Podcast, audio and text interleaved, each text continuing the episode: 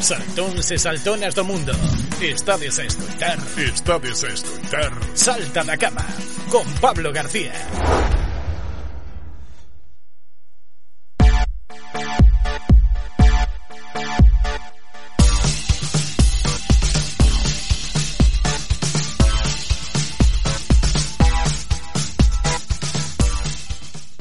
Seguimos adiante nesta mañá de xoves, eh, cinco minutiños antes. Gracias, King, por, por concedernos estes minutos por adiantar esta entrevista. Tamén gracias ao noso convidado que presentaremos a continuación, porque despois tamén temos outra entrevista e o tempo é, é o que? Temos que acabar a arder, entonces andamos sempre un poquinho xustos. Espazo para falar da igualdade. Eh, hoxe, justamente, pois mira, vamos a falar de igualdade tamén desde a perspectiva masculina que, que tanto reclamamos non tantas e tantas veces e facemos fincapé de que isto é un traballo conxunto de todos e non é só das mulleres ou non é para enfrontar as mulleres e os homes e xustamente hoxe pois vamos a falar cun home sobre igualdade e aparte, bueno, pois un home que escribe desde a perspectiva da igualdade, non? E que escribe moi ben. E que escribe moi ben, home, que vamos decir se nos está escoitando, non? No, no, no, no, yo que me he leído varios de sus libros, puedo testificar que escribe moi ben. Bueno, pois aí te damos a benvida a Francisco Castro. Moi bo día. Hola, moi bo día e moitas grazas por tanto piropo así casi recén levantado. piropo mañanero que é como mellor se senta, non? Dende logo que sí. Es sano, es sano, es un piropo sano. Pero además es que es verdad, Francisco Castro y yo nos conocemos desde hace ya muchos años y nuestro primer contacto fue a través de un Enocán, un libro que a mí me marcó muchísimo, que me parece bellísimo y a través de ahí eh, conocí a la persona y he ido conociendo muchos de los títulos que ha ido escribiendo en el tiempo, hasta que llegó el cementerio de barcos. Uh -huh que é do libro do que imos a falar hoxe, non? Exactamente. Uh -huh. Exactamente. Porque qué importantes son las relaciones familiares en la adolescencia, esa etapa de crecimiento personal. Qué importante es discernir esa fina línea que separa una relación sana de una relación tóxica, que parece que en estas alturas de la historia debería estar más que superada, pero estamos dándonos uh -huh. cuenta de que cada día tiene más confusión. Qué importante es conocer el pasado para ubicarnos en el presente.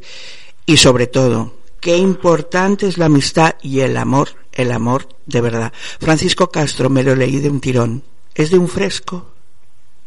Que ben, bueno, pois eu creo que iso é algo que aspiramos todas eh, e todos os que escribimos, non? A que, que en collos nosos libros non, os, non, non poida deixalo eh, e que os lea dun, dun tirón. Eso quere decir que, que somos entretidos, que non aburrimos e que o noso oficio pois, pues, o facemos medianamente ben. Así que moi contento de, de saber que o liches dun, dun tirón e moi agradecido ademais porque acabas de resumir perfectamente todo o que hai no, no libro, non? O tema das, das relacións tóxicas, as relacións amorosas de, de carácter tóxico, o tema da, da memoria histórica e logo pois esa defensa do, do amor con A grande, ben entendido, eh, e da amizade un pouco como, como taguas de, de salvación no medio dun, dun océano que, que moitas veces está moi revolto e que nos pode terminar afogando.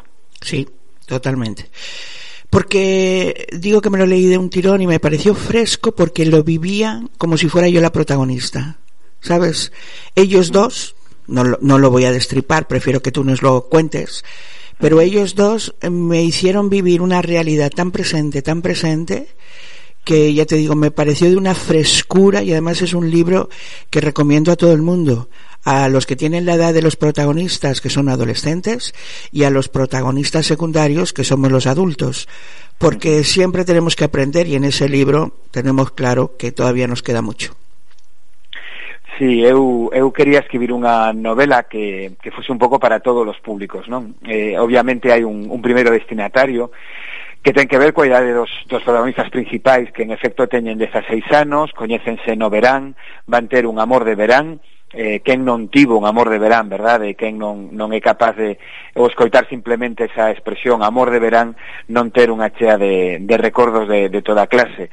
E logo están eses outros protagonistas secundarios que, como moi ben explicas, Kim, somos os, os adultos que, que somos espectadores eh, dunha situación na que mm, tamén podemos ser eh, actores no sentido literal, non? É dicir, a novela aborda unha situación de, de violencia, eh, Lucía, que a rapaza protagonista está atrapada nunha relación tóxica, ela non se decata ao principio de que, de que todo ese mundo controlador no que o seu mozo atén, ese mundo de vigilancia presencia constante en realidade algo nocivo, ela ao principio víveo como unha demostración de entrega, como unha demostración de amor, e realmente é así, non? É preocupante mm, ver os, os, as, eh, os estudos eh, moi serios que hai sobre isto e, e temos unha chea de rapazas e unha chea de rapaces que consideran que controlar o móvil da parella por suposto, o home controlando o móvil a parella a muller é un xesto de amor, cando en realidad é un acto violento. Eh, o móvil é parte da nosa intimidade. Eu creo que calquera das persoas que nos están escoitando agora eh, sufriríamos se si o noso móvil caese en mansalleas e a quen se dedicase a ver o que temos aí. Ainda que non teñamos nada que agochar, nada terrible, non? Pero entenderíamos eso como unha violación da nosa intimidade. Eh, e Lucía, pois, pues, ao longo do libro, irá vendo que existen outras maneiras de ser home, hai outras eh, masculinidades diferentes que representa David eh, e que eu creo que é unha das grandes, ou me gustaría pensar unhas grandes leccións do libro é que se pode ser home de outra maneira non hai por que ser home dende a testosterona, dende a violencia dende a imposición senón que se pode ser home de outras formas moito máis igualitarias. Por eso eh, Francisco Castro va a estar está de hecho va a estar el próximo miércoles en el MOME, para dentro del ciclo de, que hemos organizado desde Igualdad de, en Mujeres de Astrada, porque consideramos que nuevas masculinidades, ahora voy a pediros a los dos hombres que tengo aquí, uno en directo y otro en diferido, que, que, que nos digáis exactamente desde vuestra perspectiva como género masculino lo que sería una nueva masculinidad. por favor. Bueno, pois eu, eu teño bastante claro, non? Eh, unha nova masculinidade implica eh, deconstruir e desaprender todo o que como rapaces masculinos escoitamos dende pequenos, non? Todo eso de que os nenos non choran, eh, o que dicía que la canción de, de Miguel Bosé, non? Los chicos no lloran, tienen que pelear. Bueno, pues eso é unha parvada. Eh, habría que cantar a canción, los chicos no lloran, tienen que dialogar por uh -huh. exemplo, non? Uh -huh. Eh, creo que temos que desaprender toda toda esa cultura da da testosterona, da imposición, toda esa idea da da masculinidade asociada ao o triunfo a toda costa, é dicir, cando dous homes discuten eh sempre un quere gañar. E o interesante nunha discusión é chegar a un acordo máis que chegar a victoria non? Unha nova masculinidade implica non, renu non renunciar á emoción. O outro día vimos a, a, a, a Pau Gasol despedirse eh, como eh, eh deportista profesional co seu cativiño no colo e chorando. Bueno, pois esa é unha mostra de hombría o, a, a min non me gusta cando, cando me din é que tes un lado femenino. Non, teño un lado masculino.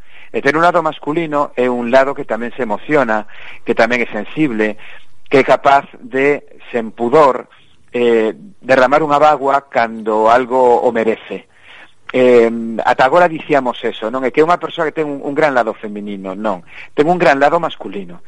Eh, non sei se se entendo o que quero dicir con isto, pero Perfecto. creo que, que as palabras son moi importantes, non? E temos que empezar a dicilo así. Exacto. Pola, a ver, Pablo, te por, toca. Pola, sempre eh, nos metes nestas nestas liadas.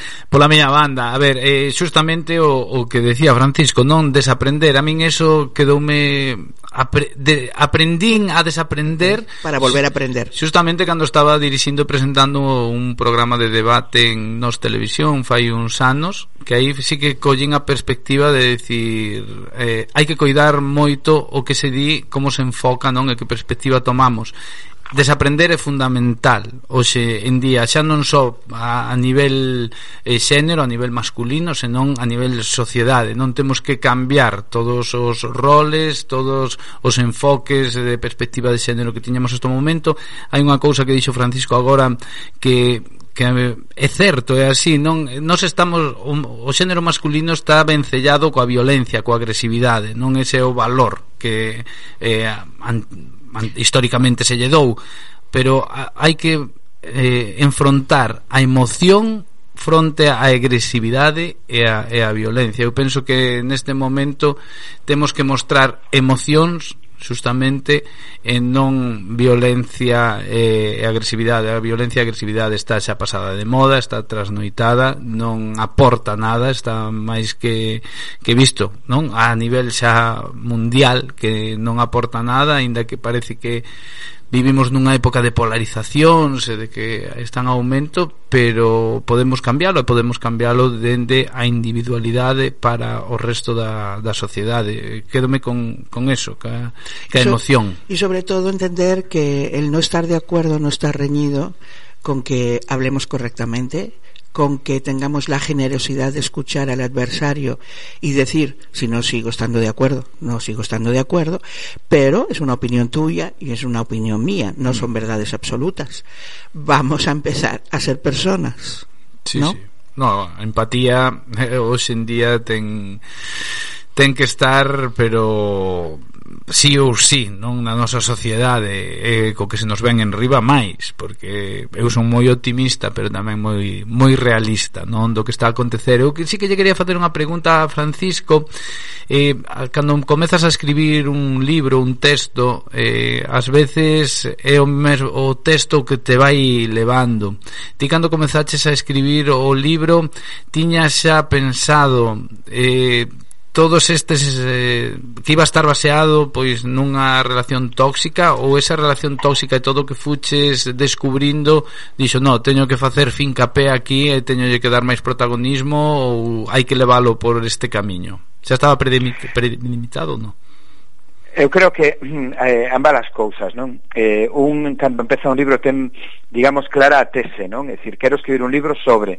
Entón, eu tiña claro que quería escribir un libro que falase das, das relacións tóxicas entre, entre a rapazada e quería ao mesmo tempo tamén eh, vencellar iso co tema da memoria histórica que é algo que, que se sigue furtando, que se sigue sen contar eh, as rapazas e os rapaces, non? Re, pasan pola ESO, pasan polo bacharelato eh, e non se lles conta as barbaridades que aquí aconteceron hai 80 anos, non? Entón, eu tiña claro que será, digamos, o, eh, os ingredientes para facer a empanada. Mm. Logo saleche eh, dunha maneira ou doutra porque ademais hai eh, e quin leu o libro hai unha hai unha cuestión de intriga dentro, non? Hai un misterio que resolver, eh, eh, parece que vamos a asistirse máis a unha historia de amor de verán, pero na, na, na, na vila, na vila costeira onde transcurre a acción, aparece un personaxe do pasado, un vagabundo, eh, un, un teórico eh, home tirado da rúa pero que tivo nesa vila unha importancia moi grande mm, pois 16 anos atrás, non? E iso vai vai remover por completo a vida de a, e a tranquilidade de todos os que están ali traendo un tema do pasado, da guerra civil para, para os nosos tempos. Entón, eh, si é certo que cando estás desenvolvendo unha intriga, un misterio, eh, un, un, un certo aire pois casi de novela de detectives, eh, a propia narración fai que ás veces vayas por un lado, vayas por outro, pero eso non quita eh, digamos o pano de fondo, non? Eu quero que aquí do que se fale é destas cousas. Entón, eh, creo que ambas as cousas que te acabas de decir non son para nada contradictorias. Hai un punto de partida do que dificilmente me movo e logo a propia intriga ás veces pois vai levando por un lado ou por outro. Hai personaxes que, que ti crees que non van a ter un gran peso, e logo de súpeto descubres pois que, que son esenciais, non? E esa as cousas realmente fermosas de escribir unha, unha novela cun punto de misterio e de intriga como é o Cemiterio de Barcos. Eh, recoñeciches escribindo a novela algunha relación tóxica que tiveras ti ou algún dos teus amigos que eh, a priori non te deras conta e eh, unha vez que ibas escribindo a novela desenrolando a novela dicen, oye, pero se isto pasou ya fulanito ou a fulanita sí. ou, ou pasou a min incluso Sí, eu creo que, sempre o digo, toda, toda a literatura é sempre autobiográfica. Podemos disimulalo máis ou disimulalo menos, pero sempre autobiográfica, non? A novela arranca con co pobre David, que está enamorado dunha compañera de clase que non lle fai nin caso. Bueno, eu tiven que acordarme de min, concretamente en segundo de BUP, cuarto da ESO para, para os millennials, E por increíble que pareza, eu estaba enamorado dunha rapaza e ela de min non. Sei que resulta difícil de creer de como unha rapaza non iba a enamorar dun home tan increíblemente atractivo como a min, pero sucedeu. Era era así. Eu estaba toliño por ela e ela por min non. Entón, a primeira parte da novela temos o pobre David enganchado a unha rapaza que, que o ignora eh, e logo xa cando coñece a, a Lucía e descubre que ela está atrapada nesa relación tóxica pois si todos coñecemos persoas do noso entorno que nun determinado momento vimos que o que tiñan que facer esas persoas era sair correndo eh, o máis rápido posible, non? Hai, hai demasiada, demasiado amor tóxico no alrededor sempre. Sí, e, e, e además quiero decir que no solamente va a participar en el próximo miércoles en el MOME para uh -huh. Igualdad y Mujeres de Estrada, ¿no? Sino que también hemos decidido o, o pensamos que sería muy apropiado que llegara al centro escolar. Y yo tengo que dar muchas gracias al Departamento de Orientación del Manuel García Barros, a Pilar Meijome, uh -huh. que es la orientadora, porque en cuanto se lo propuse enseguida dijo, ¿cuándo y en qué momento? Punto. Me parece muy interesante, lo va a hablar Francisco con cuarto de la ESO, y luego, además, eh, también va a participar en, dentro de los proyectos de igualdad que estamos realizando para las AMPAs de diferentes sí. lugares, eh, en la Escuela de Familia para la AMPA Picariños. Porque este libro, como bien dije antes, no solamente es para la juventud, aunque nosotros también somos juventud, que no se nos olvide, ¿verdad? Pero eh, los adultos, También tenemos que aplicarnos el cuento de escuchar y escuchar bien, que a veces eso resbala un pouco. Penso que ademais o, o que estamos falando, non? Lelo, velo, vernos reflexados, sentirnos identificados, axuda tamén a comprender que é o, o proceso do diálogo tamén, non? O que mm. facíamos antes referencia, non? É o proceso de empatizar. Exacto. É, é todo todo axuda. Non? E sobre todo cando cho mostran así de claro como, como neste libro, non? Francisco, las personas que van a venir a escucharte, que esperemos que sean muchas, el próximo miércoles, ¿qué van, van a salir de ahí? ¿Cómo van a salir de ahí? ¿Qué es lo que les espera? Bueno, espero que se hayan, por lo menos, cun interrogante na cabeza, non? Eh, eu creo que estamos vivindo unha etapa moi interesante eh, os seres humanos e moi en especial os, os homes, non? eh, creo que todo un reto de catarnos mm, dos cambios que temos que facer creo que, que, que é unha moi boa noticia que descubramos que como fomos educados, en realidade fomos mal educados, porque fomos educados para o dominio, fomos educados para a intolerancia, fomos educados para gobernar sobre elas, entón creo que é bonito que nos decatemos diso, non? A diferencia de outras xeracións, temos a oportunidade de cambiar iso. Meu pai que xa faleceu hai moitos anos, eh, foi un home que non tivo esa oportunidade, e xa non digamos os, os meus avós, non? Eh, recibiron un tipo de, de idea de que era o masculino e punto, de aí non se podía mover. Eu creo que, que, que os homes, hoxe eh, estamos nun momento estupendo, non? Porque se nos cae o castelo de, de naipes e eso en troques de ser unha tragedia, bueno, é unha tragedia para, para Vox, para ultradereita e para quen define, defende ese tipo de, de, de visións eh, de atapuerca do que é un home e do que é unha muller, non? Pero eu creo que para calquera home que queira sentirse como unha persoa do século XXI é un momento estupendo. Entón eu creo que o que se van a, a esperar eh, o, co que van a salir dali é eh, polo menos con preguntas na súa cabeza, non? O respecto de que podo facer eu por, por, por ser mellor home e, e por conseguir ou por loitar por un mundo mm, un pouco máis igualitario. Muchas gracias. Pois moitas grazas a Francisco Castro por atender os micrófonos do Salta Cama Moitísimas grazas a Quim Llobet por esta sección de igualdade que sempre nos trae a xente interesantísima que nos fai abrir miras Eso é importante Como di Francisco, estamos xusto nun momento clave eh, para nós para nós, nos, que nós temos que cambiar, desaprender, non? E como sempre, sí. decir que estamos abertos caminando, e caminando. E sempre de frente, nunca para atrás. E calquera persoa que queira traernos calquer cousa sobre igualdade, calquer fito que les consideren importantes, pois pues nós estamos abertos aquí a colaborar con todo o mundo. Moitísimas grazas, Francisco. Eh, moito ánimo para este mércores aquí na estrada. Agardamos te o mércores que ven, vale? Chao, Francisco, Será un placer. Na estrada sempre estou como na casa. Xogas en casa, xogas en casa. Xogo na casa. Chao, gracias. Unha aperta. Unha aperta, gracias por todo. King, pois moitísimas grazas a ti tamén e deica a semana que ven. Sí, señor. Mucho máis.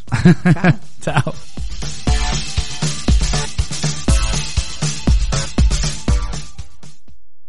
Salta da cama no 107.7 da frecuencia modulada e na páxina web radioestrada.com.